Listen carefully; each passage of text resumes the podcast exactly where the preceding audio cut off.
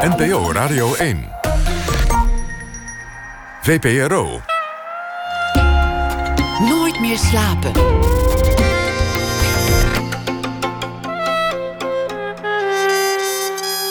Met Matthijs Deen. Welkom. Rai Koerden kent u wellicht van de soundtrack van Paris, Texas. De film van Wim Wenders. Of van zijn rol bij de Buena Vista Social Club. Toch blijft Rai Koerden bij het grote publiek een onbekende. En daar komt misschien nu wellicht verandering in. Want we spreken naar ene met Wouter Bulkaert... die het eerste biografie over hem schreef. Meester in de schaduw. En documentairfotograaf Otto Snoek komt langs. Met hem ga ik het hebben over zijn beeldessay Luchtspoor Rotterdam. Misschien zelfs over de verwantschap met het werk van Peter van Straten. De tekenaar die op 81-jarige leeftijd is overleden. Maar tegenover mij zit nu Alex Adams. Hi. Hallo. Fijn dat je er bent. Ik ga je even introduceren. Ja. Je bent theatermaker, actrice, regisseur. Je maakt deel uit van toneelgroep Mug met de Gouden Tand. En je voelt je dus thuis in heel persoonlijk actueel theater. Altijd met een lichte toets. Je speelde Eva bij Hettekamp, de vrouw van Wiebe, moeder van Toto. Je bent daarnaast ook coach en je maakt er geen geheim van dat je dingen kan zien die anderen ontgaan. Je bent heel veelzijdig. Deze keer is de aanleiding om je uit te nodigen, je voorstelling Het Vervoegde Leven. Ik heb hem gezien in Bellevue. Een solovoorstelling, al heb je in een meer dan levensgrote projectie van filmbeelden achter je wel een tegenspeler. Ja. Ehm, het gaat over het leven van een vrouw. We zijn beide van hetzelfde geboortejaar. Ik denk dat dat nog wel terugkomt in het gesprek. Die vrouw is van de generatie van onze moeders. Ja. Door min of meer gewone dingen bewogen leven. Maar daarom niet minder ontroerend of beklemmend. Je ziet dat, hoe dan ook de neergang van die vrouw. Het leven dat eindigt eigenlijk in dementie. Hou je een beetje van die vrouw die je speelt? Ja, tuurlijk. Of is ze een schrikbeeld? Nee. Datgene wat ons te wachten staat.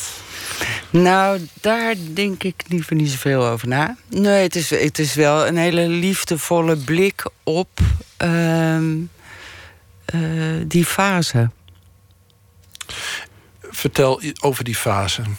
Want het is het, een laatste levensfase... Waar, waarin die vrouw terechtkomt. En, en eigenlijk wat, waardoor alles wat in eerste instantie... Ja, eh, ontroerend en mooi is... uiteindelijk aan scherven gaat en, en verwarrend wordt.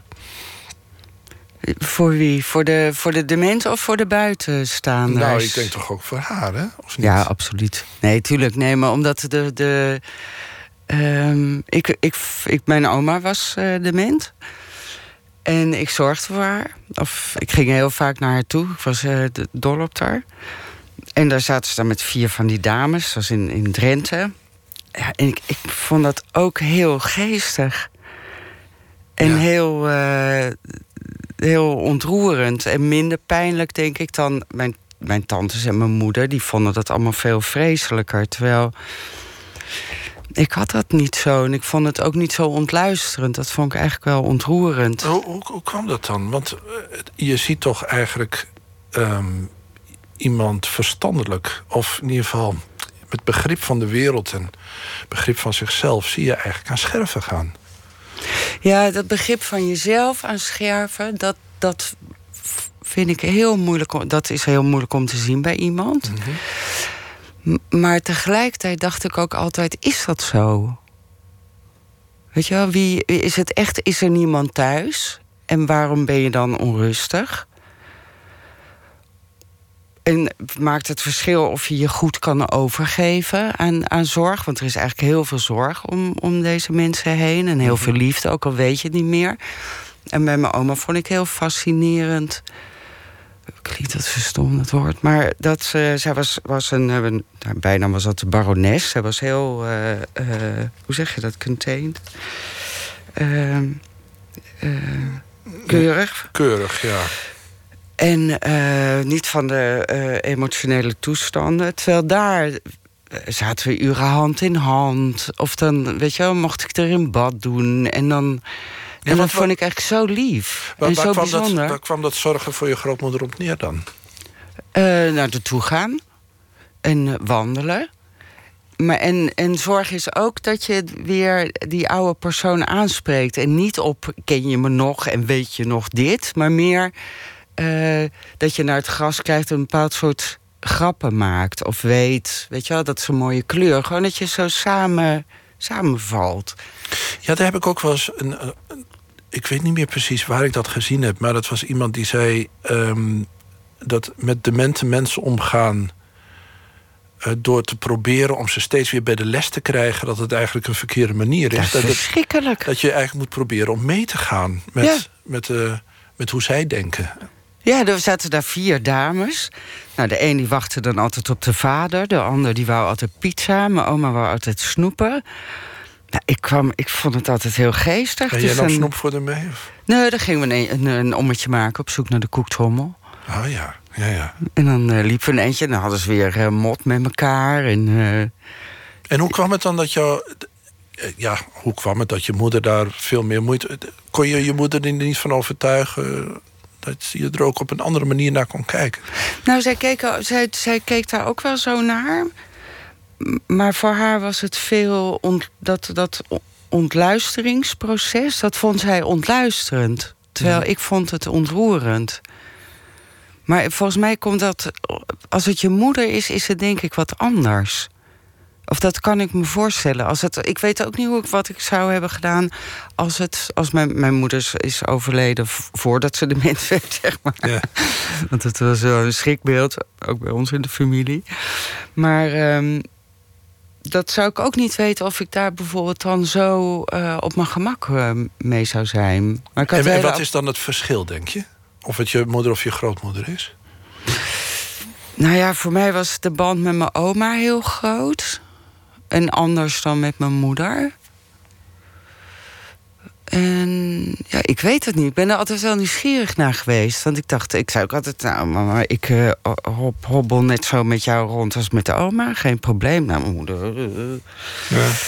die kon zich dat ook niet zo heel goed voorstellen. Is het, heeft het er ook mee te maken dat de afstand van jou tot je grootmoeder... eigenlijk veel groter is Ja. dan die tot je moeder... en dat het dus in die zin ook minder bedreigend is... en Ja. minder met jouzelf te maken heeft? Dat, volgens mij is dat het. En je hebt natuurlijk heel wat moeder en dochter hebben natuurlijk nog wel wat eh, kleine dingen in de kast liggen. en oude rekeningen. Ja, ja. Ja, nee, maar dat, Die dat dan kan, zo bovenkomen waaien. Precies, maar dat kan op allerlei manieren uitpakken. Dat het zelfs misschien eh, een, eh, uit wraakzucht weer juist wel aardig is als ze dement wordt. Hè? Dan, dan heb je, maar de, ik bedoel, nee, maar goed, ik zei dat van hetzelfde, kijk, datzelfde geboortejaar. Mhm. We zijn, mag ik zeggen, ik ben van 1902, nou, daar heb ik het eigenlijk al gezegd. Ja, we zijn van hetzelfde geboortejaar, Ja, en- 62. Heb je dan, eh, dan zijn we dus, 54. moet jij ook altijd rekenen? Ja. Nou, ik, heb, ik, kom er, ik, ik heb jarenlang... eh, maakte ik mezelf steeds een jaar te oud. En nu ben ik geloof ik al twee jaar 53, maar ik ben 54. Ja, ja, dus ik heb het er nu... Ik heb het nu goed. En, en hoe komt het dat, dat zou dat zijn... eh, want ik vraag me af hoe, hoe dat dan komt dat ik het steeds weer moet uitrekenen. Terwijl iedereen weet toch gewoon hoe oud hij is. Als ik mijn zoon vraag hoe oud hij is, dan zegt hij gewoon 13, weet je wel. Ja. Maar misschien heeft dat ermee te maken dat je ook lastig vindt dat de tijd verstrijkt. Heb je dat? Nee. Nou, want, want jouw voorstelling, daar tikt de klok. Ja. Dat is echt een groot onderdeel van die voorstelling. En als het voor jou geen probleem is, wat is het dan wel? Nou, die, de, de klok was eigenlijk een van de... Of de tijd Ja. was een van de eerste ingangen voor mij in dat stuk. Omdat het geen stuk is. Het, zijn, eh, het is wel een stuk, maar dat bestaat echt uit, uit losse scènes, Ja. teksten. Poëtisch. En ik stelde me altijd voor, dat is het, dat is het enige wat ik, wat ik heel moeilijk vond aan mijn oma en aan, aan, aan dementie. Dat ik me voorstelde dat zij zo lang alleen zat.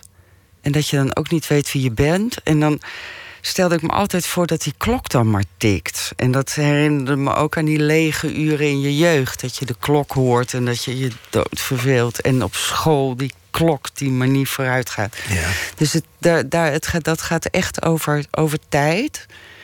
En over het feit dat je de klok zo kan horen als je alleen bent. Dus het betekent ook dat je alleen bent. Ik moet er opeens aan denken dat bij mij thuis de klok. Zo'n. Was dat bij jou Ja. ook al? Ja. En, en die, ja, die, en elk uur natuurlijk eh, slaat hij. Ja. En dan slaat hij de, de middag door midden en de verveling. En Ik ken, ja, dat is. Oh jeetje, ja. Maar goed, ehm, de, de tijd speelt een belangrijke rol in het stuk. En ik kan me voorstellen, als je het koppelt aan het feit dat je dus zelf ook die 50 gepasseerd bent, Mhm. dat je die afstand niet meer hebt die je in de tijd tot je oma had. En zegt van nou, dat is een zekere maat van ontroering. En hè, Ja. je kon met haar mee, kon daar wandelen. Ja. Maar dat het nu dat die tijd opkruipt en dat het die dimensie voor jou iets anders gaat betekenen. Is dat zo? Nou, ik heb voor, wel voor het eerst eh, over nagedacht eh, dat het ook eh, een schrikbeeld kan zijn voor jezelf. Dat, je, dat ik denk, jezus, straks word ik echt zo oud. En moet ik ook naar zo'n bejaardenhuis en word ik dement. Ja. En dan? En dan hoop ik maar dat ik me een beetje kan overgeven aan, aan, eh, aan het geheel. Want ik vond dat heel naar om te zien als mensen inderdaad verward zijn... of zich niet thuis voelen of on onheimisch. Dat, dat vond ik het moeilijkste. Terwijl je dan weet, er is zorg omheen. Weet je wel, ik, ik ben net vijf minuten even naar de keuken gelopen... en nu ben ik alweer terug. Ja. En dan heb je me al eh, 300 jaar niet gezien. ja, ja. Dus dat, dat, dat vond ik iets. eh, ehm, of, of dat vond ik altijd heel moeilijk om, eh, om te zien. En dat is wat ik hoop dat als ik zelf dement word, dat je dat toch. Dat je niet de hele tijd je verloren voelt. Je gaat er een beetje vanuit dat het gewoon gaat gebeuren. Nou ja, als je heel oud wordt. Ik denk het niet hoor, maar Nee. stel dat, dan is het wel een schrikbeeld. Maar ik heb altijd gedacht, oh, ik, Maar je bent een actrice. Dat wil zeggen dat je dus ook heel goed in staat moet zijn om dingen in te prenten, dingen te onthouden. Dan is toch het hele idee van, van dementie waarin je alles kwijtraakt, dat, is toch, dat raakt toch aan de wortel van je bestaan. Nou ja, dat weet ik niet. Want je hebt ook nog. Je hebt, je hebt een zeg maar meer meditatieve staat. Ik hoop soms dat dat, dat helpt. Als je dement wordt, dat je niet de hele tijd raving mad eh, bent. Maar dat je gewoon een beetje nog kan rusten in jezelf. Dus de- je hoopt op een bepaald soort dementie. Ja, precies. Ja, ja. Ga je met het verstrijken van de tijd trouwens anders tegen je ouders aankijken? Ehm, ja. Ja, tuurlijk. Op wat voor manier? Nou ja, dus kijk, ze zijn allebei overleden. Nu, dus dat is al anders. Nou, je krijgt meer afstand. En ehm, ik vond mijn moeder, die, die was ik in een heel bijzonder moment... dat ze zo echt uit haar moederding stapte. Want ik moest geld van de lenen, want ik had natuurlijk helemaal niet bedacht... dat je als ZZP'er een planning moet maken. Toen was ik veertig of zo. En ik geneerde me een beetje. En toen zei ze, ach nee joh, dat heb ik ook gehad. En iedereen van 40, dat, dat, dat, dit, dit is iets heel normaals. En dat, dat, nu vertel ik het op een bepaalde manier... maar ik, was, ik vond het heel ontroerend. Dat, dat het was meer van de ene vrouw tegen de andere. Precies. Dat, en dat vond ik heel eh, bijzonder. ja. En heel fijn. Maar ik lees wel in interviews met jou dat, dat zo rond die. Want je komt daar zelf mee, dat rond die veertigste. Dat het, voor, dat het eigenlijk een hele ingewikkelde tijd was. En je zegt ergens in een interview zelfs van na de veertigste eh, gaat het echt alleen maar bergafwaarts. Heb ik dat gezegd? Oh ja, ja dat in ieder geval misschien ben je verkeerd ge- geciteerd. Maar dat is, eh, zo is het. Is dat niet ook eh, de tijd geweest dat, dat, er, dat er heel veel gebeurde in jouw leven? Dat heel veel nou, mensen dat heel veel mensen overleden. Ja. En eh, dat, dat, dat, dat ik daar innerlijk ook helemaal van, van, de, van de kaart raakte. Ehm, Dat is ook een tijd. eh, eh, ja, dat klopt is dat, moeilijk. dat? Dat is toch een tijd geweest dat je ook je voornaam veranderd had, toch? Ja. Kan dat? Kan, kan je, want want Ja. eh, dat is namelijk heel, heel erg opvallend. Van de, en dan moet je het met, eh, met Joost over gehad hebben. Dat kan ik me niet anders voorstellen. Degene die de tekst heeft geschreven voor jouw voorstelling... heeft zijn voornaam ook veranderd. Ja, nou, het rare is, hij, dit is gewoon een stuk van Joost. De- Joost al- 2. Joost 2. Wat al volgens mij heel oud is. Ja. Eh, en en eh, de mug wilde dat graag doen. En die, ze hebben mij gevraagd. Dus in Ja. die zin eh, heeft Joost dat niet apart speciaal voor mij geschreven Nee. of iets. En we hebben er eigenlijk heel weinig over gesproken. Oh. Want zowel, dat is wel een bizar toeval dan. Want jullie hebben alle twee op Ja. een gegeven moment in je leven Ja. besloten van ik wil eigenlijk anders. Je, geeft jezelf in feite een soort tweede kans, een tweede leven. Hoe Nou ja, bij mij, ik, heb, ik ben er een beetje ingehuppeld. Oh. En het is eh, als, als ik eigenlijk. Ik ben geboren als Henriette. En toen heette ik heel lang noemde iedereen me Hette. En toen wilde ik eh, nou, dan maar gewoon Henriette heten. Maar vond ik ook niet meer leuk. Toen gingen we verhuizen. En mijn oma heet Hendrien. En een van mijn geboortenamen is Hendrien. En toen zei ik, ik wil eigenlijk naar oma heten. Ik wil Hendrien heten. Ja. Het is Dus een we- variant van dezelfde naam. Ja. En toen eh, wou ik eh, weer eens iets anders. En, dat, eh, en ik, ik had er helemaal niet serieus over nagedacht, maar ik, ik zei dat. En toen dacht ik, oh Alex, dat is een goede naam. En toen, degene met wie ik was toen, die zei... oh, zullen we je zo noemen, gewoon een week? Weet je wel, voor de lol. En dat, dat ging gewoon vanzelf. Dus ik heb ook nooit... eh, Dus we moeten er eigenlijk niet meer, niet zoveel aandacht aan besteden. Ik bedoel, niet zoveel waarde aan toekennen. Het is, of is het voor jou wel heel belangrijk? Nou, het werd wel belangrijker. Nou, ik, dacht, ik dacht op een gegeven moment... oh, Adams, dat je er weer niet over na hebt gedacht. En toen zit je met zo'n naam bij je actrice Alex Adams. Als, weet Ja. je, ik zou me doodschamen als ik dat zou eh, bedenken. En eigenlijk heb ik bijvoorbeeld nu ook wel weer zin in een nieuwe naam. maar die mag het Door niet dit- meer van niemand. Oh, oké. Nee. Ik heb ook nog geen nieuwe, maar ik ken mezelf wel. Dus, Oké, dus, dus het, is een, het is een soort bizar toeval dat twee mensen die hun naam veranderd hebben. Want, want Ja. ik heb de indruk dat bij Joost, Joost 2 dat hij eh, echt heeft besloten van nou, we, we gaan gewoon het opnieuw proberen. En ik noem me Ja. Joost 2 en ik ben een nieuw iemand. Ja, bij hem, ik las dat in dat eh, interview in de Trouw. Ik wist dat niet eh, van hem. Ehm, en dat, dat, dat, dat was wel heel specifiek. En ehm, er is toen, het, het, het viel wel allemaal samen. Dus ik, ik denk dat het, dat, het, dat het niet voor niks is dat ik mijn naam heb veranderd. Nee, nee. Maar ik heb dat niet eh, heel bewust gedaan. nee het is, en, en als je nou terugkijkt, is het niet zo dat op, vanaf het moment dat je dat deed, dat je. Want het gebeurde in een periode dat, dat, er, dat veel mensen om je heen doodgingen. Je hebt een nieuwe naam, je hebt een soort doorstart. Het, het is niet zo dat je het achteraf op die manier kan zien. Nee, Nee, oké. Nee. Nou, ja. nee, sorry. Nee, nou, ik was gewoon benieuwd of, Ja. dat, of, of zoiets kan. Of, of, eh, of je een, een andere Nou, naam kan geven... en dat het dan opeens alles weer gaat of zo. Nee, ja, maar dat was het helemaal niet. Ik voelde me wel twee keer zo goed toen ik die naam ineens be- bedacht en hoorde. En toen dacht ik, oh, dat is eh, fijn. En omdat ik natuurlijk als kind mijn naam gewoon eh, Ja, vrijelijk kon veranderen. dat zit gewoon in het beestje eigenlijk. Ja. Die, ehm, de vrouw eh, waar het over gaat ehm, in het vervoegde leven... die ehm, eigenlijk... Het is een soort paradise lost, vind ik. Ergens. Hè? Eh, want je knikt. Want, Ja. want in feite, het, het, het begint... Alles is koek en ei. Er is een eerste liefde. Er komt een kind. Het is, alles is, en, maar opeens gaat het mis. Ja. En naarmate die tijd verstrijkt, waar we het nou over hebben... gaat, stapelt mislukking zich op mislukking. Dus je ziet er eigenlijk een soort donkere steeg in wandelen. Ja.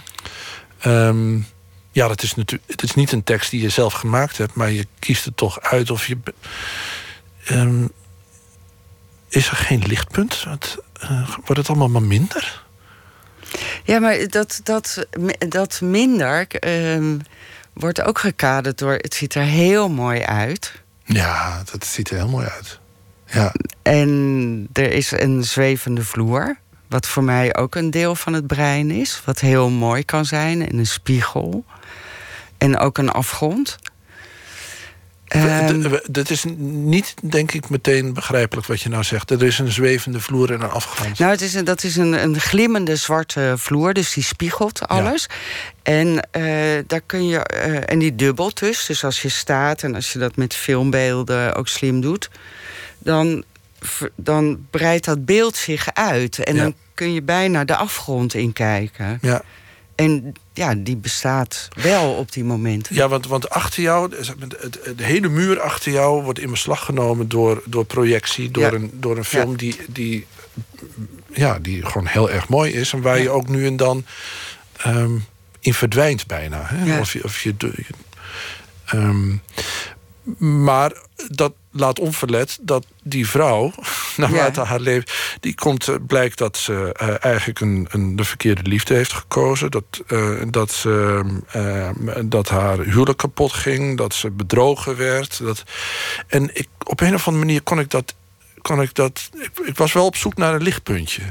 En toen ik, ging me een beetje in je verdiepen... en toen zag ik dat je ook naast je werk als actrice heb je een, ja, een soort praktijk waarin je mensen helpt Ja. die in de problemen zitten. Ja.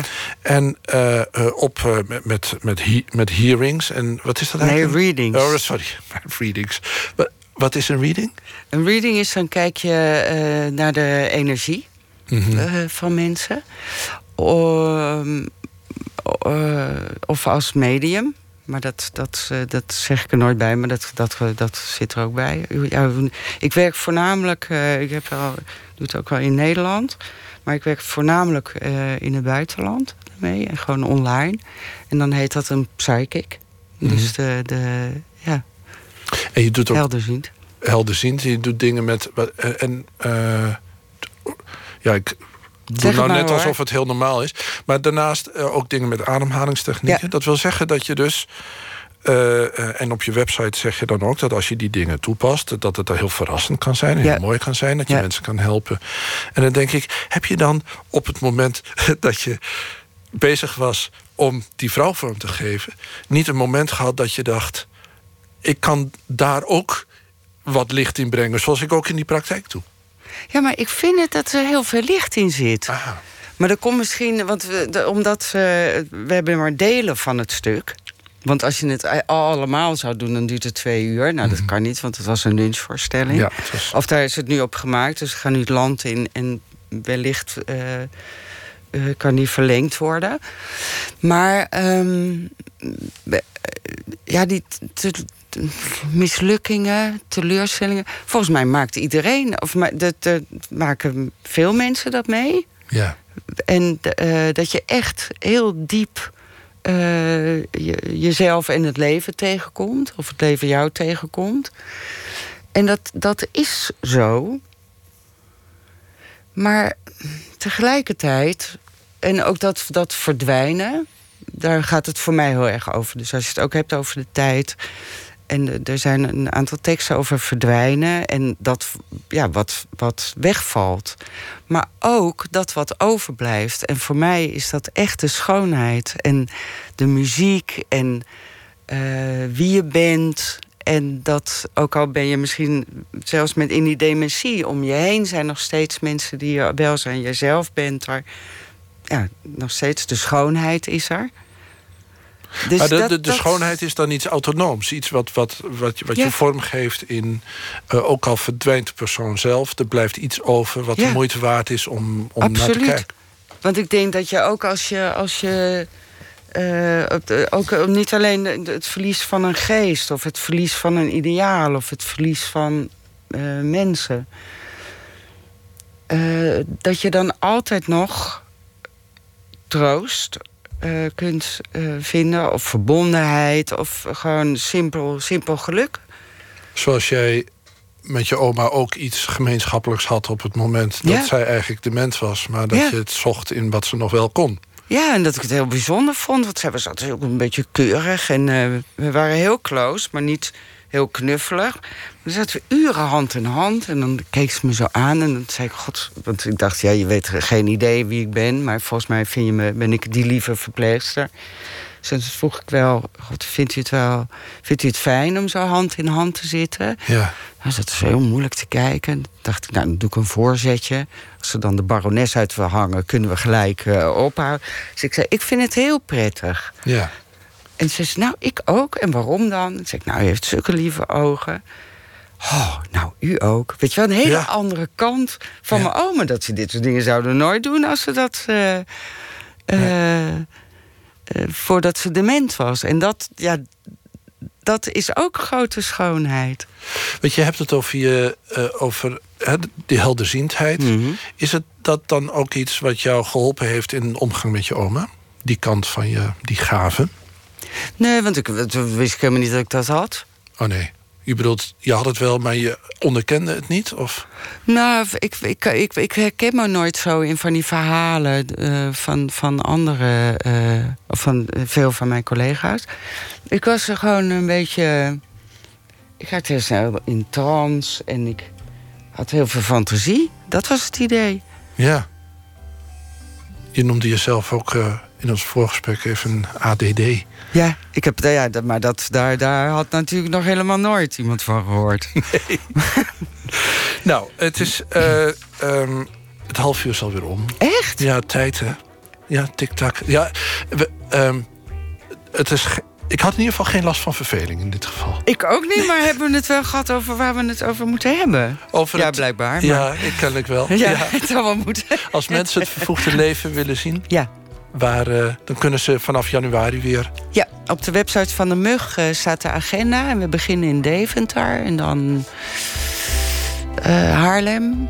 Mug met de gouden tand.nl Alex Adams, dankjewel voor je komst. Graag gedaan. Ja, we zijn alweer bijna bij het nieuws. Straks na het nieuws gaan we verder met het tweede uur van Nooit meer slapen. Heel graag tot dan.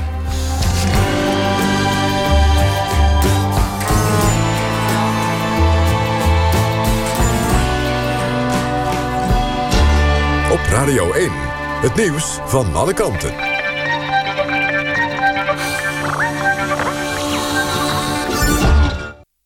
1 uur, Clemens Peters met het NOS-journaal. De terreurverdachte die woensdag werd opgepakt in Rotterdam... is de 30-jarige Jawad A.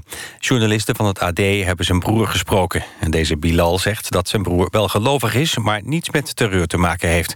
In het huis van de verdachte werd onder meer een Kalashnikov AK-47... en vier dozen met zeer explosief illegaal vuurwerk gevonden.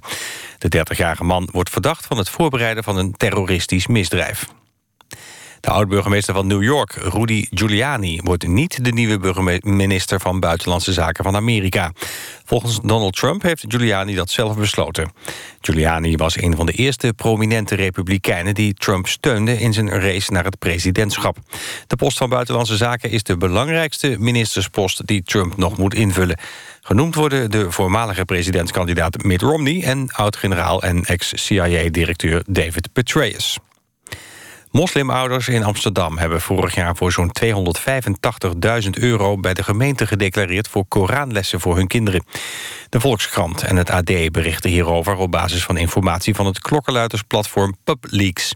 Het geld kwam uit een regeling voor minima, die is bedoeld voor scholieren die er onder meer schoolboeken, bijles, sport en danslessen van kunnen betalen.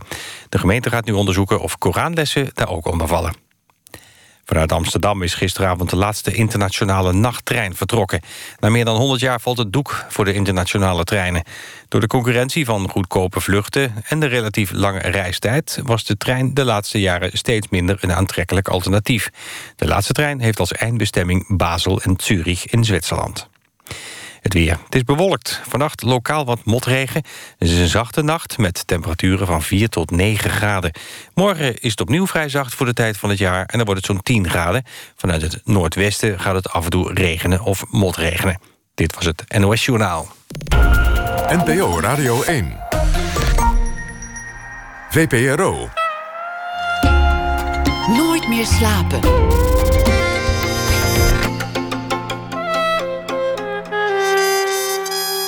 Met Matthijs Deen. Ja, welkom terug.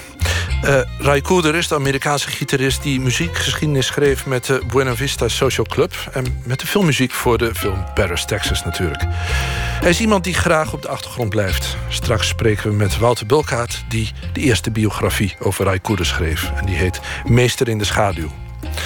En Otto Snoek komt dit uur langs. Hij is de documentair fotograaf. En met zijn beeldessay Luchtspoor Rotterdam... toont hij de ontmanteling van het spoorviaduct... door de Rotterdamse binnenstad en over de Nieuwe Maas. Foto's uit 1993. En deze week hoort u niet zoals u gewend bent een schrijver die op de actualiteit reageert. In plaats daarvan gaan we terug in de tijd. Aanleiding is Gekrenkt en Hongerig. Een uitgave van Das Magazine dat ongepubliceerd werk bevat van gevestigde schrijvers en dichters. Uit de tijd dat ze tiener of twintiger waren.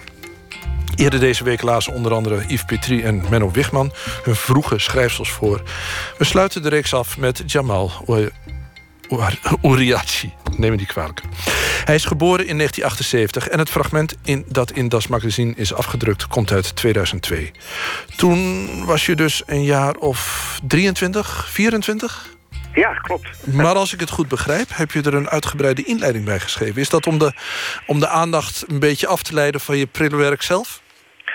Nou ja, nee, ja, om, ook om het een beetje te introduceren en om een beetje de schaamte, schaamte weg te schrijven. Maar ik, ik moet zeggen dat eigenlijk in het hele boekje, dat, dat, uh, waarin al die fragmenten van verschillende schrijvers staan, bijna iedereen heeft een inleidingje geschreven. En uh, ik vond dat zelf eigenlijk de leukste stuk om te lezen, ja, ja. moet ik zeggen. Ja. Hey, die, die schaamte, dat is, uh, kon het eigenlijk niet door de beugel wat je in 2002... Want je debuteerde in 2010, geloof ik, acht jaar later. Ja, ja, dus er was nog wel wat, uh, er was nog wel wat nodig om toch tot dat andere punt te komen, geloof ik. Ja. ja. Ik, ik zal het gewoon even voorlezen. Ja, heel graag. Dan begrijp je waar ik, uh, waar ik vandaan kom. Ijdele onderneming. Teksten van vroeger aan de openbaarheid prijsgeven. Wat kun je anders dan koketteren met je onkunde van toen? Terwijl je stiekem ook hoopt dat er eigenlijk al wat briljante trekjes van het latere genie in zo'n vroege teksten zien zijn. Nou, ik werd er niet blij van, het graven in de dozen met oude manuscripten. En dat is geen kokette ziet. Mijn eerste serieuze romanprobeersel, Het Metafysische Leven. Alleen al de titel was een paar maatjes te groot qua ambitie. Heb ik niet eens durven inkijken. Ik weet dat het over een moderne messias ging, voortgekomen uit een vluchtig liefdesavontuur van God en zijn stagiaire. Dat lijkt me voldoende ongewenste kennis. Wat ik verder aantrof waren volgepende aantekeningen, boeken, stapels en stapels prints van Word-documenten, indexkaartjes, dichtbeschreven, blaadjes, hotelbriefpapier. Wat een bende machteloos schrijfwerk bij elkaar. Heuster. Soms zit er wel een aardig ideetje tussen. Een overtuigend personage, een paar mooie zinnen, een verrassende plotwending. Maar het heeft zo lang geduurd voordat het allemaal bij elkaar kwam. Tot mijn debuutroman, om precies te zijn. Wat moet ik ermee met al die rotzooi? In het vuur flikkeren. Dat doen alleen verstokte romantici. De papierversnipperaar lijkt me goed genoeg. Dagboeken mogen blijven, een enkele geslaagde pagina fictie ook. De rest is de eeuwigheid niet waard. Bedankt voor het inzicht. Das magazine. Nou, het gaat nog even een tijdje door, maar dan... Uh, en dan volgt een fragment dat toch nog, dat ik toch overheen kon zetten om dat dan uh, aan de openbaarheid prijs te geven. ik zal er één klein alineaatje van voorlezen hier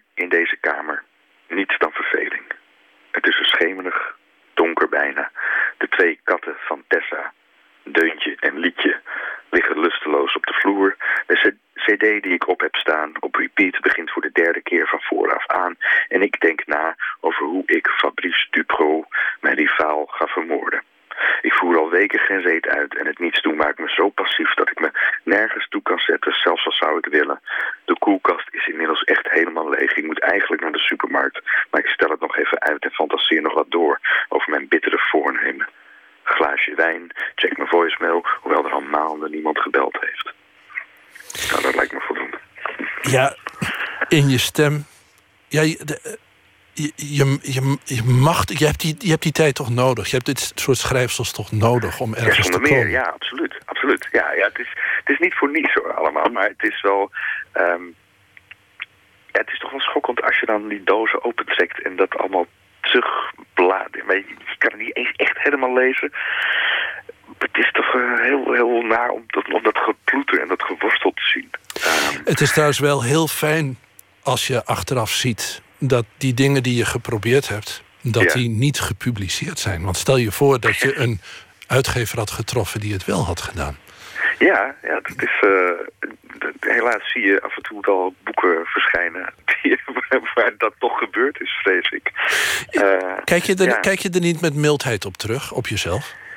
Jawel, ja, ik, ik had ook bijvoorbeeld in je inleiding ga ik niet dat, dat fragment helemaal zitten stuk analyseren, want er valt allerlei ja, schrijftechnische kritiek op te leveren. Maar dat is een beetje flauw inderdaad tegenover die, dat knakkertje van toen... dat, dat toch echt wel zijn best deed. Maar gewoon nog heel veel moest leren. Dat, uh, ja, die zet je toch een beetje te kakken ook door nu wel zo'n fragment te publiceren. En als je het dan ook nog zou gaan publiceren achter, of uh, bekritiseren achteraf, dan ja, wordt het wel heel gemeen, ja. Nee, je moet hem, uh, je, je, moet achter hem blijven staan. Heel goed, Jamel. Ja, toch wel, hè? Ja. ja. ja, Nou, heel erg bedankt dat je dat voor ons hebt willen doen voor, uh, vannacht. Graag gedaan. Een goede nacht verder. Fijne nacht nog. Oké. Oké, dag. Uit Nieuw-Zeeland komt zangeres Nadia Reid. Ze debuteerde zo'n jaar geleden met het album Listen to Formation, Look for the Signs. De tweede plaat is aangekondigd voor maart. Maar hier is alvast de single The Arrow and The Aim.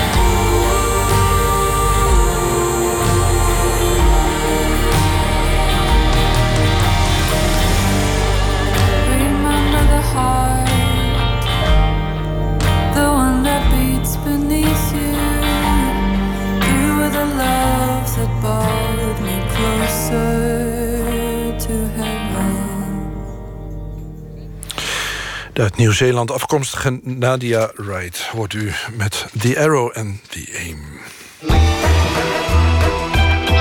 Nooit meer slapen. Meester in de schaduw, zo heet de biografie van Ry Cooder... die komende week verschijnt.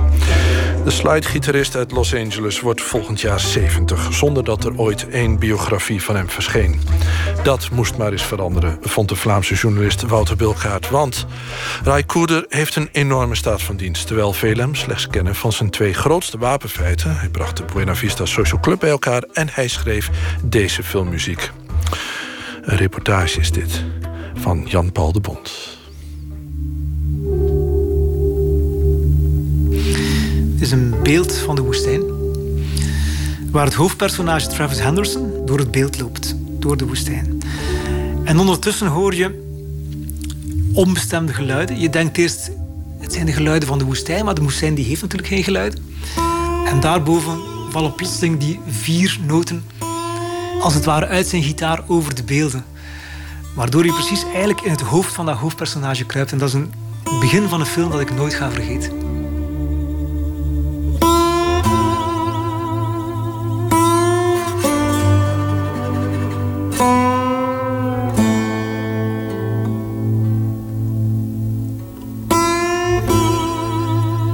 Zo mooi wat je schrijft dat hij door Wim Wenders daarbij is gevraagd op het moment dat de film eigenlijk al klaar was. Hij kreeg de film te zien en zegt dan zelf: prachtig, ik zou er niks meer aan doen. Beklopt. Wenders belt hem op, want hij moet naar Cannes, film. Hij moet meedoen aan de competitie, maar het is een zeer kort dag. Dus je krijgt eigenlijk drie dagen om die, die soundtrack te maken. Drie dagen.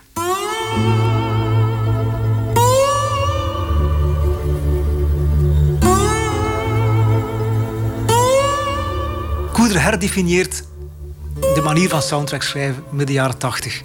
Hij schrijft geen score, hij schrijft een underscore. Zeer atmosferisch. Volgt ook het ritme van de film. Maar het is tegelijkertijd ook zeer bluesy. Want uh, de filmmuziek van Paris, Texas, dat is eigenlijk een bewerking van een oud bluesnummer. Uh, van Blind Willie Johnson. Dark was the night, cold was the ground.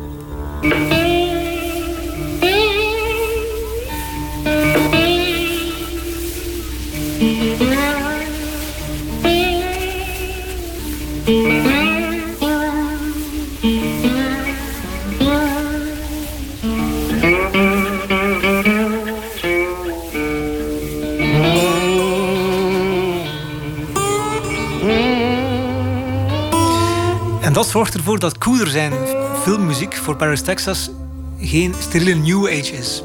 Daar zit roots in. Ook in die noten die jij speelt, omdat die van Blind Willie Johnson komen. Wat gebeurt er als die soundtrack uitkomt of die film komt uit? Iedereen imiteert dat. Wat ze wel natuurlijk vergeten is die, die soundtrack eigenlijk afkomstig is van de blues. De blues wordt weggefilterd en het wordt steriele new age wat je nadien krijgt. Wat je ook krijgt, naast die steriele New Age muziek... een lange, lange rij televisieprogramma's. Documentaires, reportages, series... waarin steeds Paris, Texas opduikt. Een van de mooiste filmscores ooit wordt een soort smeermiddel... om in de sfeer te worden gebracht van... ja, van wat eigenlijk? Frans en Marcia vertrekken naar het Spaanse Ayamonte... vlakbij de grens van Portugal... Alhoewel het vakantieparadijs zeer populair is bij toeristen... wonen hier slechts 250 mensen permanent. Ik vertrek naar Spanje. Of naar het einde van de wereld. So this is our bathhouse. You walk really slow, look for rattlesnakes because they're out right now. Rattlesnakes? Yeah. And I'm wearing my flip-flops. I know. It's not a good idea right now. But... Okay. Verschrikkelijk. Um, Ja, dat is echt waar. Dat vindt Koeder ook verschrikkelijk erg. Hij, hij weet dat. Ja, tuurlijk. Wouter Bulkaert. Hij is geen Ry Cooder fan, of fan op zijn Vlaams, maar wel groot liefhebber van de muziek. Als schrijvend journalist en recensent van andere muziekboeken begon Wouter met het schrijven van een biografie omdat hij nog niet bleek te bestaan. Dit is eigenlijk geen echte biografie. Dit boek is eigenlijk het verhaal van de muziek van Ry Cooder. Ik ben op zoek gegaan naar de reden waarom Ry Cooder die bepaalde muziek maakt op dat moment in zijn leven. En zijn leven interesseerde mij maar matig. Als het leven mij helpt om het werk te begrijpen, ja, dan ben ik daarin geïnteresseerd. Maar voor de rest, gelukkig valt er over Cooder weinig te vertellen. Die is getrouwd met zijn vrouw in het jaar 70. Heeft een zoon gekregen in 78. Is nog altijd getrouwd met zijn vrouw. En zijn zoon is een drummer geworden. Punt uit. Dus daar ben je al vanaf. Dus daar moet je al niet meer over schrijven. Blijft over zijn staat van dienst. En die is behoorlijk. 17 soloalbums, 19 soundtracks, maar vooral een hele lange lijst met samenwerkingen en sessiewerk. Dat die lijst zo lang is, is een prestatie op zich, maar, zegt Wouter, kijk vooral met wie en hoe hij als sessiemuzikant heeft gewerkt. Koeder die blijft een beetje aan de kant staan. Hij blijft in de schaduw staan. En in die zin overstijgt het boek het anekdotische dat je merkt dat op verschillende kantelmomenten, belangrijke momenten in de rockgeschiedenis, dat Koeder daar aanwezig was. Koeder was aanwezig op het moment dat Captain Beefheart zijn allereerste plaat maakte. Ik ben een geweldige Beefheart-fan, maar ik wist tot een jaar of tien geleden niet dat die slidegitaar op Save as Milk dat die van Koeder was.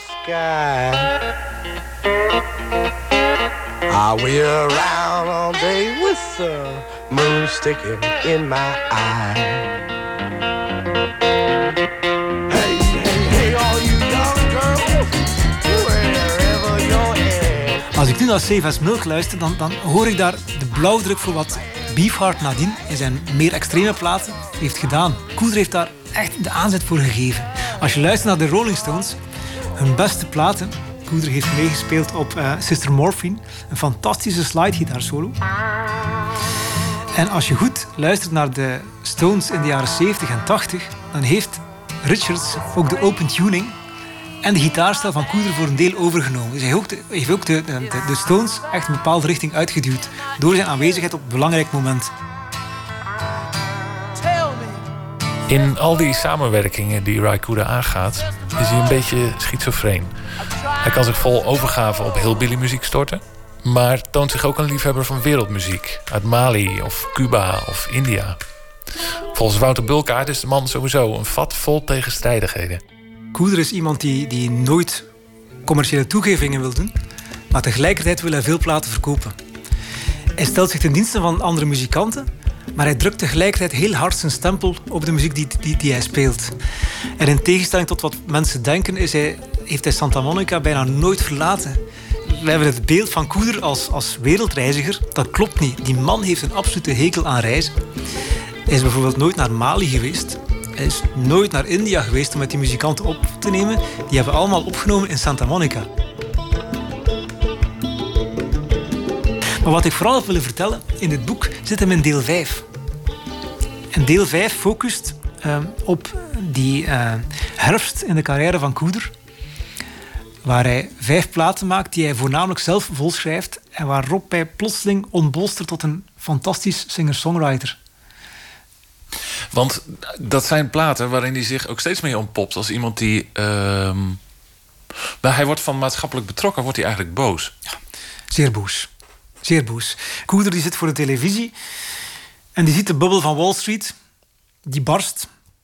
En hij ziet dat de bankiers eigenlijk buiten schot blijven, maar dat mensen wel uit hun huizen gezet worden en die wordt daar enorm kwaad. En die kan niet anders dan die, die boosheid omzetten in songs. En dat culmineert uiteindelijk in de plaat Election Special, waar hij expliciet standpunt inneemt tegen de Republikeinen. Get your dirty hands off my constitution now.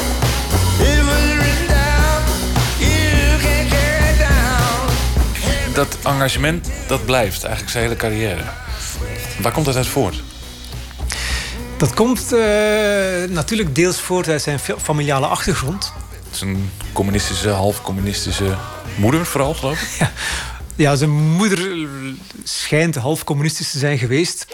Begin jaren 50 is daar de communistenjacht van Joseph McCarthy in de Verenigde Staten. En op een bepaald moment staat de FBI gewoon aan de deur van de ouders van Koeder. Die willen dus uh, de moeder van Koeder ondervragen. Maar die vader, ja, die komt naar de deur en zegt... Jullie komen niet binnen. Weg. Die zijn nog twaalf keer terug geweest. En Koeder ziet dat natuurlijk. Hij vraagt natuurlijk uitleg. Hoe komt dat, dat die man hier komt? En dan leggen ze hem dat uit. Van kijk, ja, als je een klein beetje links bent op dit moment... In Amerika word je al vlug gezien als een communist. En, en Koeder vindt dat sociaal onrechtvaardig. Een, een, tweede reden waarom hij zo maatschappelijk geëngageerd is... is omdat hij in Los Angeles, het Los Angeles van die tijd... als kleine jongen erg veel rondwandelt.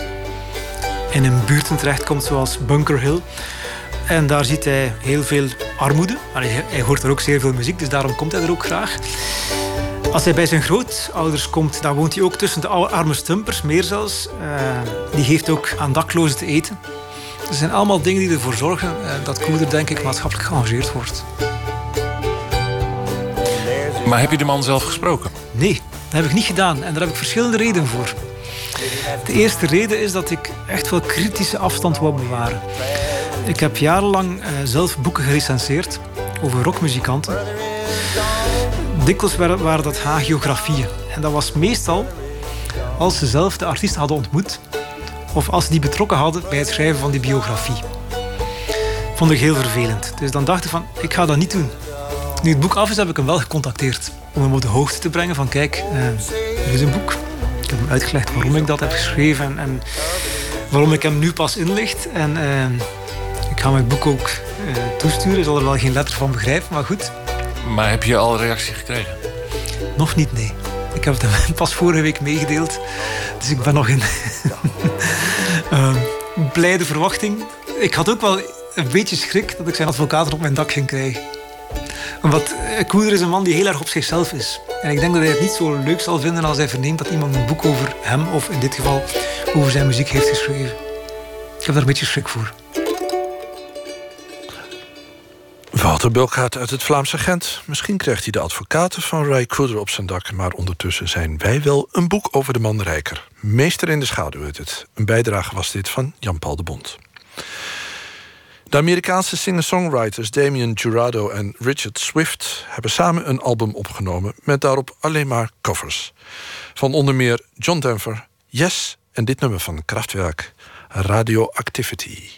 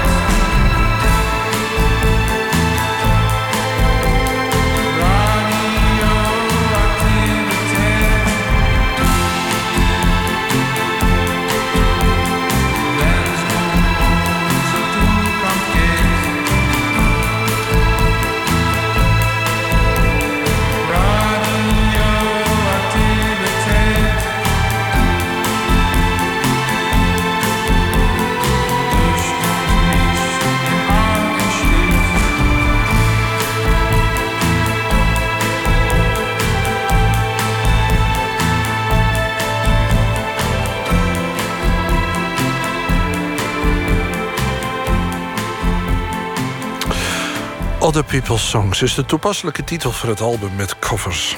Damien Jurado en Richard Swift waren dat met Radioactivity van Kraftwerk. Open kaart.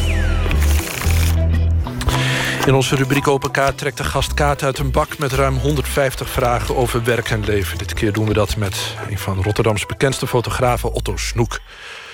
Hij exposeert sinds 1997 in binnen- en buitenland... en veel van zijn werk is in boekvorm verschenen... zoals fotoboeken Rotterdam, Why Not, Cranian Crossroads... en binnenkort Luchtspoor Rotterdam. Boek over de ontmanteling van het spoorviaduct al daar in 1993. Dat boek ligt vanaf volgende week vrijdag in de winkel. Tegelijk met de opening van de fototentoonstelling... over datzelfde luchtspoor in Galerie Wind in Rotterdam. Welkom Otto, fijn dat je er bent. Ja. het meest in het oog springende van jouw werk zijn tafereelen uit, uh, uit Rotterdam altijd. Of uit Den Haag, op straat in ieder geval. In duistere kroegen, op feesten, vaak rouw. Mensen die balanceren op de rand van de beschaving. Of je nu fotografeert in een volkskroeg of op een miljonairsfeest. Ik vind daar niet veel verschil in zitten. Dat is er altijd bij, dat we de schema net op kunnen houden... of dat niet meer doen. In die zin is een reportage over een spoorbrug die wordt afgebroken even iets heel anders. Al is het wel afbraak natuurlijk. Klopt, is het een breuk in je werk of is het gewoon een andere kant die we wat minder zien? Nou, we hebben het over fotowerk dat ik in 1993 maakte. Dus dat is uh, nou, zeg maar vier jaar voordat ik uh, eindelijk op gang kwam, op stoom uh, kwam met mijn foto's van Rotterdam, waar ik me eigenlijk ja, duidelijk op de kaart heb gezet. Wil je, wil je zeggen dat het... Eh, want het, het zijn prachtige, het zijn panoramische foto's ja. van het... Zwart-wit ook. Zwart-wit. Maar wil je zeggen dat dat, dat dat iets... dat het een, een eerder stadium mhm. was... voordat je op, op je document... op je, op je andere werk uitkwam? Ja, wellicht. wat dat betreft is een soort ontwikkeling... terugwerkende krachten uh, te, zien. En het komt allemaal in brokken naar me toe. Maar er was nu een goed uh, momentum wat eraan kwam. Dus uh, het is de oplevering van, de, van de hef. De, die helemaal schoongemaakt is, afgekrapt en opnieuw in de, in de menie en in de verf gezet. Ja, en jij hebt, jij hebt met de hef, dat is dus een spoorbrug die er nog steeds staat. Hefbrug, ja. Een hefbrug. Daar heb jij een hele speciale band mee. Want dat, die maakte onderdeel uit van een veel grotere brug. Uh, die, uh, een traject, ja, een spoortraject. Een, uh, een viaduct dwars door de stad. dat vanaf Hofplein begon en zich door de stad kronkelde naar Zuid toe. Dus een, een, een, bovengrondse spoorlijn dwars door Rotterdam. Ja, die heeft altijd gelegen. En toen moest dat ineens ondergronds. Ook voor de oorlog. Voor de oorlog ook, ja. ja hij is uit uh, eh, 20 jaar is hij daar neergelegd. Uh, en jij groeide... de hef is in de 20 jaar uh, neergezet. Het luchtspoor zelf was al eerder. Jij groeide op met het geluid ja, ik groeide op in de schaduw van de, de heftorens. en dat het geluid van die treinen over de brug, dat staal op staal, dat is een beetje de tune van mijn, van mijn leven geweest. Is dat tot mijn 35 Ja, ja ze komen, komen tot, dat, dat geluid was er altijd ja, ook s'nachts als de, de goederentreinen eroverheen gingen. Ja, en als de, als de wind uh, goed stond, dan was het net of je uh, de naslag... Uh, ja, was, je aan dat, was je aan dat geluid gehecht? Ja, zeker, zeker wel. Ja, dat, dat hoorde. Het, was in, het is een imposant ding om te zien. Dus het, het is nogal krachtig van die treinen die boven je hoofd uh, voorbij scheren. En uh, ook zo lang aanhouden. Een vrij bruut uh, geluid. En dan dat gejang van, de, van de sirene als die open ging. Dat was ik op gezette tijden. Ook had ik in spitsuren, wat dan ook. Dus ik heb ook wel heel wat voorgestaan. Voor die brug, die de Koninginnenbrug. Ja. Jouw, jouw foto's uh, op straat, van de tafereelen op straat, uh, mensen, nou ja, zoals ik het zo net heb getypeerd, dat, um, dat zijn foto's die de rauwheid um, aan het licht brengen. Ja. Rotterdam heeft eigenlijk op het moment dat die spoorbrug, het, het, spoor door de stad ging, is dat ook rauwheid aan het licht. Maar dat is onder de grond weggemoffeld eigenlijk. Vind je dat eigenlijk heel on-Rotterdams wat daar gebeurd is? Ja, is, uh, ik noem dat nivelleren. Dat, dat, dat, doen ze doorlopen, dat doen ze nu weer. Nu die, uh, die binnenrotten, dat is uh, de, het stuk, flink stuk waar vroeger de luchtspoor overheen liep. Daar worden nu weer plantenbakken neergezet. Dus het was nu eerst een open vlakte waar som, twee keer per week de markt werd gehouden. En voor de verder was het een kale open vlakte. Echt zonder, zonder een paar sprietjes van bomen. Maar voor de verdere was het net of daar nog ja, nog de, de restant van monument weggehaald moest worden. Hè? Of er moet nog iets opnieuw neergezet worden, zo leek dat. Dus je hebt er eigenlijk een, een, een vreemde vorm van weemoed met het wegmoffelen van waai. Ja, en ik ben daar zeker niet alleen in. Ik hoor dat bij meer mensen. Maar dat is toch een generatieding. Uh, heel veel jonge mensen weten helemaal niet waar ik het over heb... als ik het over het luchtspoor heb. Nee. Die kunnen dat ook helemaal niet herinneren. Nee. En is van de Kwast kan zich al niet meer goed herinneren. En die gaat de tentoonstelling open. Die is tien jaar jonger dan, dan ik. Ja. Dus het slijt. Maar goed, je hebt het nu wel. Het, het is vastgelegd, er is een boek over, dus je ziet het gebeuren.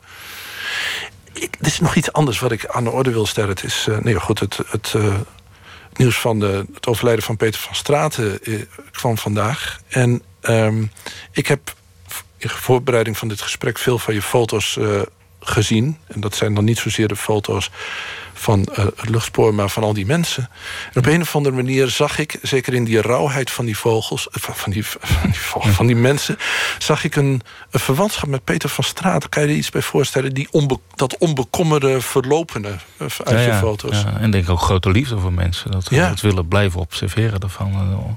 Zo'n on- oneindige bron is dat. Ja. Maar is, is dat, heb ik dat goed gezien? Voel je een zekere verwantschap? ja, met- zeker. Ik ben wel blij mee als je die, eh, die associatie legt. Ja. Ja, want heb jij... van krullen. Ja. Eh, heb je, want heb jij, eh, ehm, heb jij hem zelf wel ooit ontmoet? Ja, ik, eh, eh, wij werkten, eh, ja, werkten moet ik nu zeggen, allebei voor Vrij Nederland. Ja.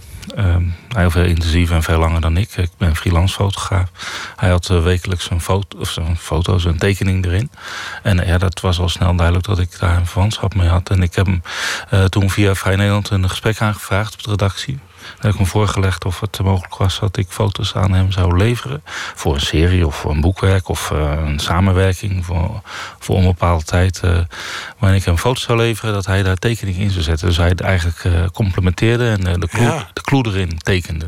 En dat is ik zou op die manier zou ik wel ook kunnen fotograferen met gaten. Ik zou ruimtes open kunnen laten in de compositie in mijn kader. Nee, ik denk dat, dat hij, het is een andere concentratie, denk ik, van hem, vanuit zijn, Ja. Ja. vanuit zijn visie. Ik denk dat hij, hij moet aan, aan het bureau blijven zitten en zich vasthouden aan die lijnen die hij heeft lopen. Maar- Zoals gedood. Ik, ehm, eh, het had wel gekund. Tenminste, Ja, dat gevoel zeker, heb ja. ik. Je moet een kaart Moet trekken. elkaar trekken. Ja. Ja, neem de tweede. Ja. Oké. Eh, wat- wat, is je grootste, eh, groot, wat is je grote angst? Gelukkig staat er niet grootste, want die heb ik niet. Ik, ik heb ook geen be- beste foto's. Ik heb misschien betere foto's.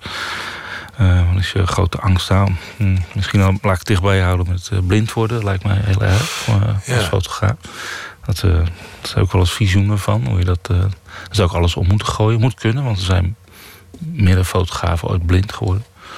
Eh, dus... eh, ehm, Want, de, we- dat- nou ja, goed, je bent dus een visueel ingesteld mens. Ja, ja, steeds meer ook. Het gaat spreken en schrijven gaan me eigenlijk steeds moeilijker af. Ja. Ik, eh, ik investeer nog steeds in kijken. Dus Hoe ook- bedoel je, ik investeer in kijken?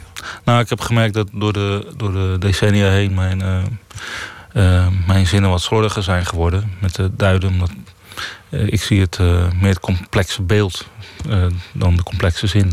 dus eh, je moet ergens op, op richten in je, in je, denk, in je denkwijze. Is het zo dat, dat naarmate je je meer visueel ontwikkelt... dat dat ten koste gaat misschien van, van andere dingen? Ja, dat vind ik een spannend gegeven. Dat wil ik wel eens eh, verder bij mezelf graven. Dus ik, pro- ik probeer nog steeds stukken te schrijven, ook, ook over mijn foto's soms. En, Ja. en soms gaat me dat heel goed af, denk ik dan. Dan lees ik het terug, vind ik het vreselijk. Of ik, vind het, ik blijf het toch goed vinden. En Kijk, ja, ik selecteer op dezelfde wijze naar die tekstjes, hele korte teksten, dan, eh, dan zoals ik ook naar mijn foto's kijk. Hè. Het moet het, eh, ze moeten een beetje het eeuwige leven hebben. Dan pas heb ik er plezier in.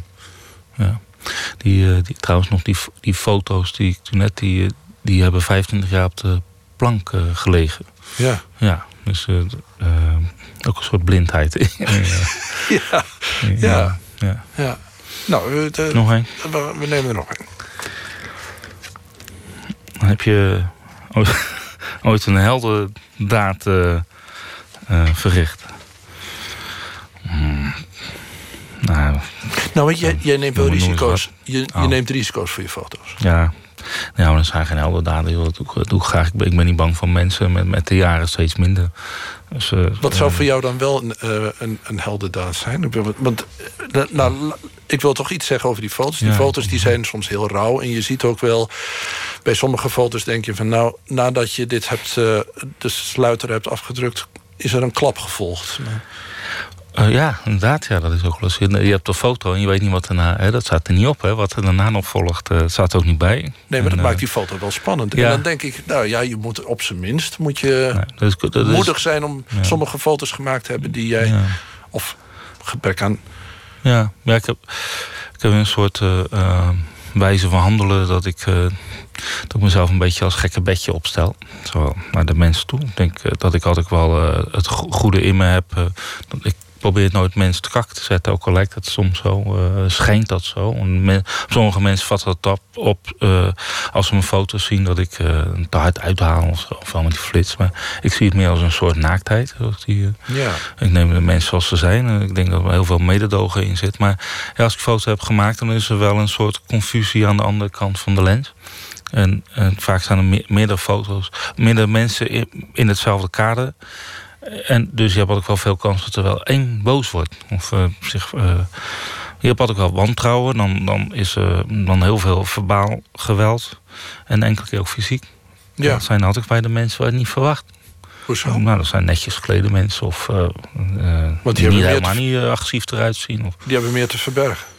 Je, je weet het niet. Soms Nee. uh, dat, dat, blijft, dat blijft een beetje gissen. Maar dat, die Russische roulette moet je elke keer weer uh, doen. Hè? Ja, ja. Maar Ja. Dat, dat, dat, dat is niet Door iets wat jaren. jij zelf ehm, ziet. Dat is meer een soort beroepsrisico. Dat is geen heldendom. Nee, dat is geen helder. Nee, nee, het, wordt- gaat me ook steeds makkelijker af. En zeker in, uh, met jaren. Vooral omdat ik ook minder angst daarvoor heb gekregen. Ja. Zullen we nog een derde? Ja, een derde. Misschien komt er nog een goede vraag bij. Neem, Nou ja. neem de voorst. Uh, welk kunstwerk uh, moet gered worden als de wereld in brand staat? Ja, dat is een goede, uh, goede vraag voor mij uit geen. Want het, ook, ik denk dat we allemaal gewend moeten zijn dat ooit, als de Rembrandt afvikt, hebben, we- hebben we nog altijd plaatjes ervan. En dat eigenlijk niks voor de eeuwigheid bewaard kan worden. Zo, dat, dat, daar moeten we in zekere zin genoegen mee hebben dat dingen ja, ook verloren gaan. Dat geldt dat- voor mijn eigen werk ook. Dat, dat vind ik wel Ja. grappig. Nu, Ja. eh, als je kijkt naar het luchtspoor Rotterdam. Ja. Dat gaat dus inderdaad over het, Verlies van. Hè? het onttakelen van een kunstwerk in zekere zin. Ja. In ieder geval voor jou. Ja. Maar je vindt het wel jammer.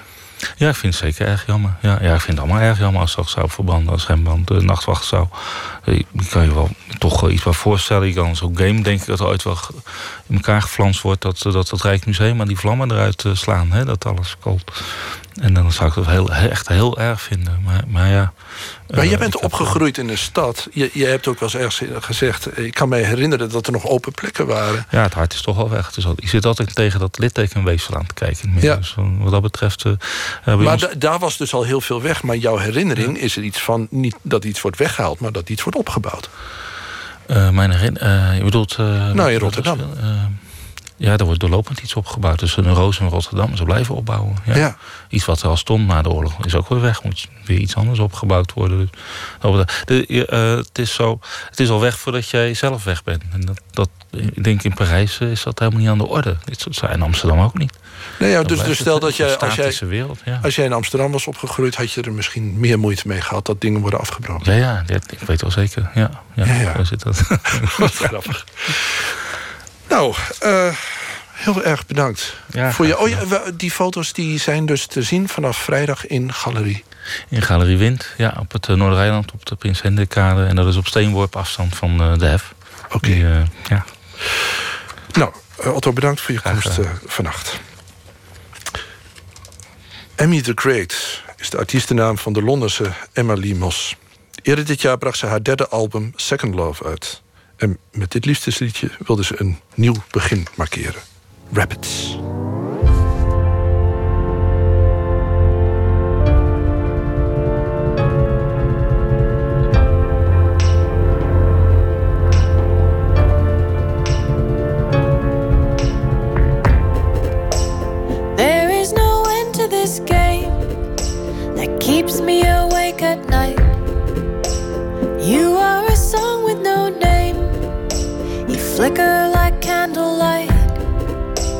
Guess this is it tonight.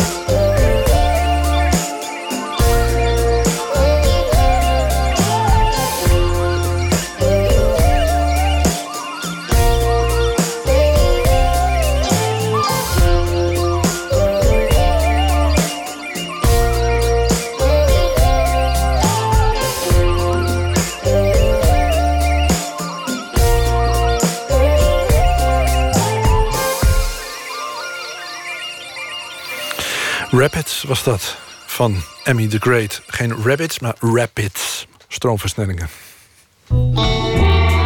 Nooit meer slapen. In Rotterdam ging deze week Pablo in première, een dansvoorstelling van het Scapino Ballet. Aan de hand van het leven van Pablo Picasso laat choreograaf Marcos Morao de ontwikkeling van Spanje zien. In tijden van wereldoorlogen, dictatuur en hervorming. Hij zet daarbij alle dansers van het Scapino Ballet in en het orkest Sinfonia Rotterdam. Dat speelt tijdens de voorstelling live muziek van Tchaikovsky en Ravel, aangevuld met Spaanse en Franse volksliederen. Verslaggever Luc Heesen vroeg bezoekers om hun mening. Het Scapino Ballet vind ik zelf altijd heel mooi. Met Pablo Picasso weet ik niet zo goed wat ik daar precies van moet verwachten. Nou, ik ken de werk van Marcus Morao, de choreograaf. Prachtig werk, heel beeldend, heel krachtig. Ik vind het juist fijn om helemaal blanco naar een voorstelling toe te gaan en het uh, tot me te laten komen. De deuren staan open hier. Je, je, het is makkelijk om binnen te komen bij Scapino. Het is niet ingewikkelde kunst. En dat zegt niet dat het werk, werk makkelijk is, maar het is gewoon een heel toegankelijke manier van publiek uh, betrekken. Ik lijkt me heel spannend. Het is natuurlijk niet uh, gewoon dat er live muziek is. Een beetje rauw, een beetje ruw, een beetje Spaans, een beetje met temperament.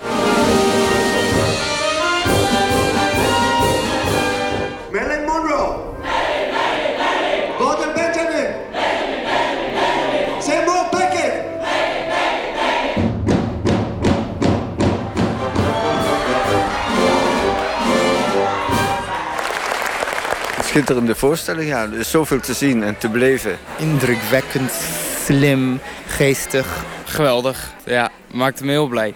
Je ziet eigenlijk bijna de hele tijd de hele groep dansers uh, op het toneel. In het begin kwam er al gelijk een auto en dat vormde al gelijk een soort van middelpunt. En dat was dan die lijkenwagen. Ja, dat stond al wel een soort van symbool voor, voor iets heftigs. Nou, er was veel oorlog te zien. Legervestjes, zeg maar, met de tekens uh, op de zijkant, op de armen. Um, ja, iets van de Spaanse burgeroorlog en de onderdrukking van Franco en, en, het, en zijn regime. De Tweede Wereldoorlog, of hoe, nou, hoe je dat ook allemaal wilt interpreteren.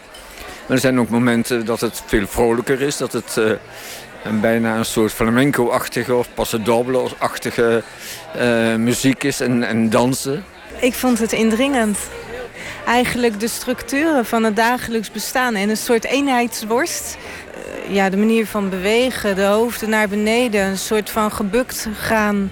Het podium was donker, de kleding was donker. Ik vond het echt wel triest. lastig met het verhaal. Zeg maar het deel met Picasso, wat ze daarmee bedoelden. Op een gegeven moment worden alle vrouwen van Picasso, minnaressen en modellen... die worden allemaal genoemd en worden allemaal lichtjes van op toneel gezet. En later worden die lichten dan ook allemaal weer door de danseressen, zou ik maar zeggen... op die leekwagen gezet en zo. Ja, nou ja, daar kun je misschien allemaal symboliek in zien of zo. Maar dat, ja, dat vind ik allemaal ingewikkeld om, om dat even zo snel te duiden, zal ik maar zeggen. Picasso die leeft natuurlijk in de tijd en wat zijn inspiratie was, daar keken wij nu naar. De groepsdelen, de bolero vond ik als groep. Dat dit hele tijd zag je een groep tegen één of twee iemanden. Dat vond ik de kracht uitstralen, macht. Hoe snel die al die bewegingen achter elkaar maken en hoe dat dan in elkaar past en uit elkaar past. En, en, en door elkaar krioelt en zo. Nou, ik, ja, ik vind het echt heel knap, ja. Vijf voor de dansers, voor hun duende, hun ziel. Ehm, het stuk is moeilijk. Voor mij zit het tussen goed en heel goed. Ehm 4,5 wel. Ja, ook wel 4,5. Vijf. Zes sterren. ja, ja. Het is een voorstelling die eh, iedereen moet zien. De voorstelling is Pablo van het Scapino Ballet. Is nog tot en met 8 maart te zien. Bijdrage was dit van Luc Hezen. The Japanese House is het pseudoniem van de 20-jarige Amber Bain. Ze is een van de artiesten die is opgenomen in het befaamde lijstje van BBC's Sound of 2017. Daar gaan we in de nabije toekomst dus nog veel meer van horen. Van The Japanese House is dit het nummer Cool Blue.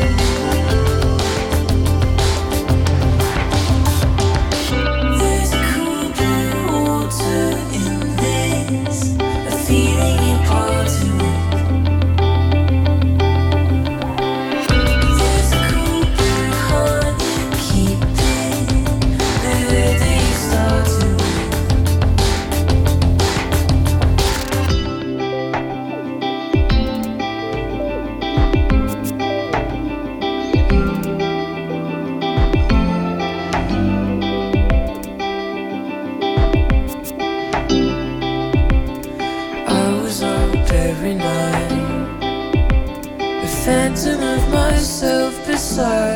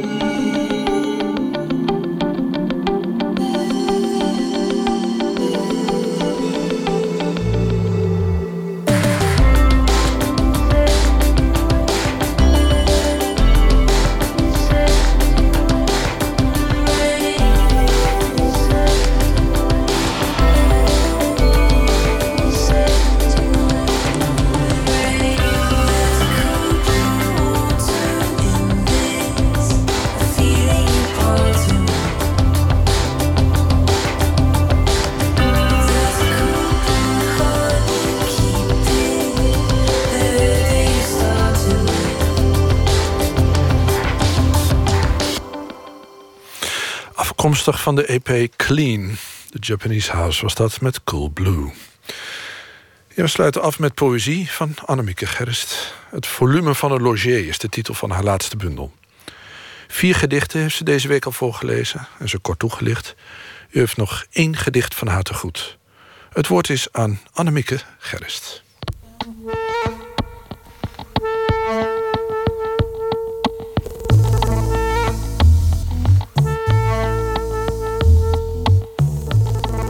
Ik liep door een straat die ik vaag kende met muziek op mijn hoofd. Belandde in de rosse buurt en botste daar tegen de man van een vriendin op. Jij ook hier? vroeg ik om ons niet ongerust te maken en liep regelrecht een pand binnen. Een man kwam uit een kamer, een vrouw liep weg. Ik stond voor een vrouw met kloppend hart, bang dat iemand mij zou betrappen. Ze stak een sigaret op, bekeek mijn borsten. Ze droeg heel veel make-up, zodat zij vanuit een verre verte op haar best te zien zou zijn. Een brandalarm maakte een einde aan onze ontmoeting. Mannen vluchtten zenuwachtig, vrouwen staken dunne sigaretten op, sloegen badjassen om zich heen. Men vluchtte of zocht het vuur dat boven de huizen zou komen. Ik had een tijdje een atelier in de Rosse buurt. En dat was echt midden in de Rosse buurt, in die kleine straatjes. Ik uh, huurde dat een tijdje van een uh, vriend van mij. En die zei: um, Als je door de straat loopt, dan moet je even zwaaien naar de meisjes. Dan weten ze dat je van hier bent. Op een dag ging er een brandalarm af. Ongerust ging ik naar buiten en toen kwamen al die mevrouwen in badjassen naar buiten. Het was een super huiselijk tafereel in zo'n heel rare omgeving. Het gebeurde ook omdat ik daar elke dag kwam dat ik tegen iemand aanliep die ik kende, die daar duidelijk op zoek was. Ja, van uh, schrik heb ik echt gedaan wat er staat. Dan ik, oh, oh, jij bent ook hier. Oh, oh ja. En toen ging ik meteen rechtsaf gewoon de deur in en stond dus in een, uh, in een hoerentent. En toen werd ik helemaal zenuwachtig. Dat, ik dacht, straks ziet iemand mij hier en die denkt, wat doet zij daar nou? Ja, ja, dus het was een hele bizarre situatie. En dat heb ik allemaal gecombineerd in dit gedicht. Ik lees het nog een keer. Ik liep door een straat die ik vaag kende met muziek op mijn hoofd. Belandde in de rosse buurt en botste daar tegen de man van een vriendin op. Jij ook hier? vroeg ik om ons niet ongerust te maken en liep regelrecht een pand binnen. Een man kwam uit een kamer, een vrouw liep weg. Ik stond voor een vrouw met kloppend hart, bang dat iemand mij zou betrappen. Ze stak een sigaret op, bekeek mijn borsten. Ze droeg heel veel make-up, zodat zij vanuit een verre verte op haar best te zien zou zijn. Een brandalarm maakte een einde aan onze ontmoeting. Mannen vluchtten zenuwachtig. Vrouwen staken dunne sigaretten op, sloegen badjassen om zich heen. Men vluchtte of zocht het vuur dat boven de huizen zou komen.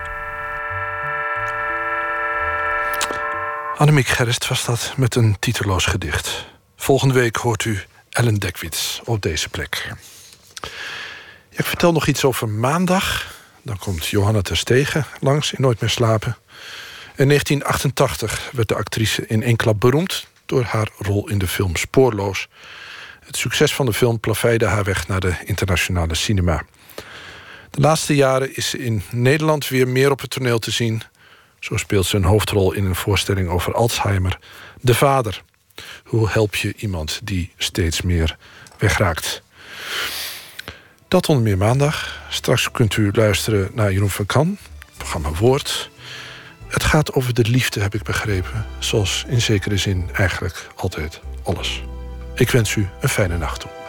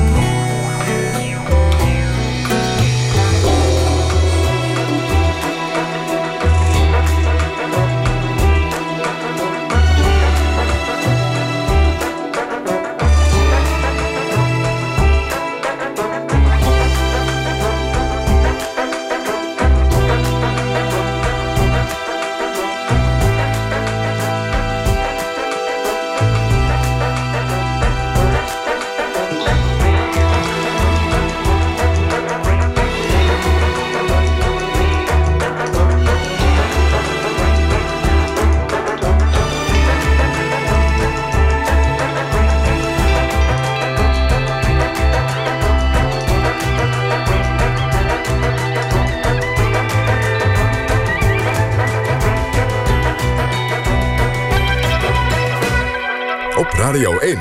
Het nieuws van alle kanten.